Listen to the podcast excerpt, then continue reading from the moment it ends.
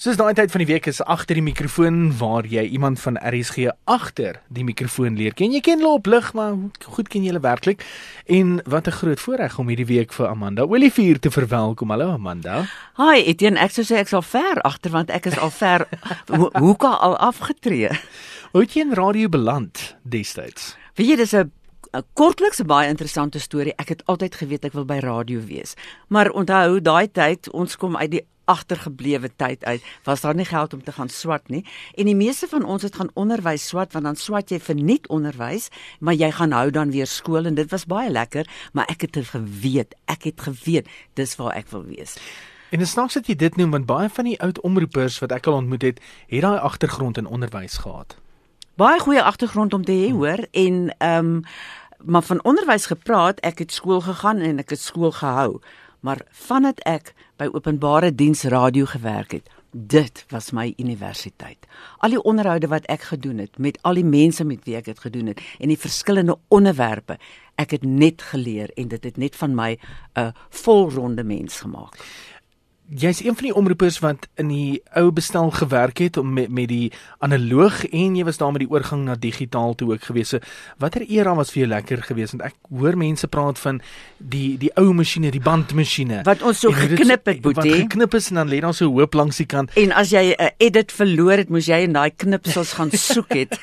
maar maar watter era was lekkerder geweest, die die ou analoog of die digitaal om in te werk? Nee, ek dink die digitaal is want dit is vinniger en dis flinker ehm um, die die analoog jy het lank gesit met daai bandmasjiene hoor lank gesit. Mense het oorweeg moet jy nie maar vir jou so 'n bandmasjien en dit was groot logge massiewe bandmasjiene by die huis uh, in die hande kry sodat jy daar kon redigeer nie maar dit sou nooit gewerk het nie. Nee ek dink vandag se tyd gaan baie vinniger.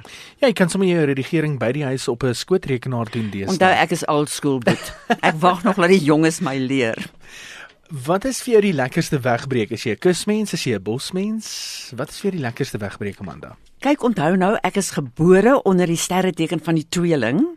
So dit beteken ek stel in alles belang en alles interesseer my. So die kus is vir my wonderlik. Jy sien ek het eintlik krulhare. So wanneer ek by die kus is, krul dit nog meer.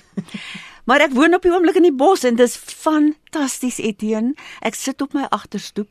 Ek voer die eekorintjies. Ek voer die tarantale. Hulle daag op soos posduwe, natuurlik die duwe ook.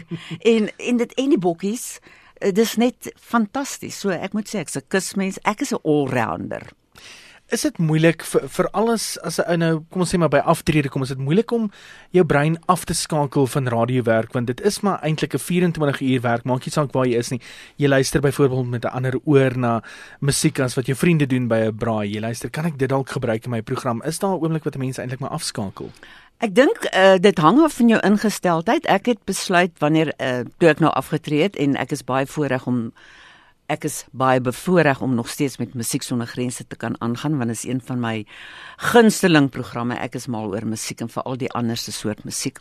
Maar ek moet sê, ek dink wanneer jy aftree moet jy 'n kop skuif maak en jy moet besef, weet jy daar's jonger mense en hulle is briljant en laat hulle aangaan. Ek is bevoorreg om 'n om 'n vryskut werk te hê by RSC wat vir my heerlik is. Maar ehm um, nee, ek dink daar's tyd om te rus. Jy wil nie die hele tyd onder hierdie druk wees en te moet uitsaai. En kyk vir julle jongetjies, hemel, julle julle SMS, julle sit op al hierdie moderne tegnologie. Ek is ver agter. Etie nee wat? Gaan julle aan? Ek gaan aan met my musiekprogram en ek geniet nog in die tussentyd my aftrede. Dit voel vir my so goed om as 'n jong mens beskryf te word. Ek's wel op pad 40 toe. So daai in gedagte, ek's darmal al 13 jaar hier, so kan mense dit oorvertel, dit gaan so verby. Ek kan glo nie. As daar een ding is wat jy uit jou hele radioloopbaan uit kan vat en vir 'n nuwe jongling wat nou in die bedryf inkom Amanda, kan sê dit is die een ding wat jy moet onthou van uitsaai wese. Wat is dit? Oeg, ehm um, ek dink eh, iets wat nooit verouder nie is die raad wat ek dan gee. Moenie groot kop raak nie En ek weet dit is moeilik want julle het die eh, regtig die media aan julle kant. As ek die TV aanskakel en sien ek, "Haai, daar's 'n oud RC kollegaatjie van my." Of nie 'n ou enetjie nie, jongetjies wat besig is met een of ander uh, program.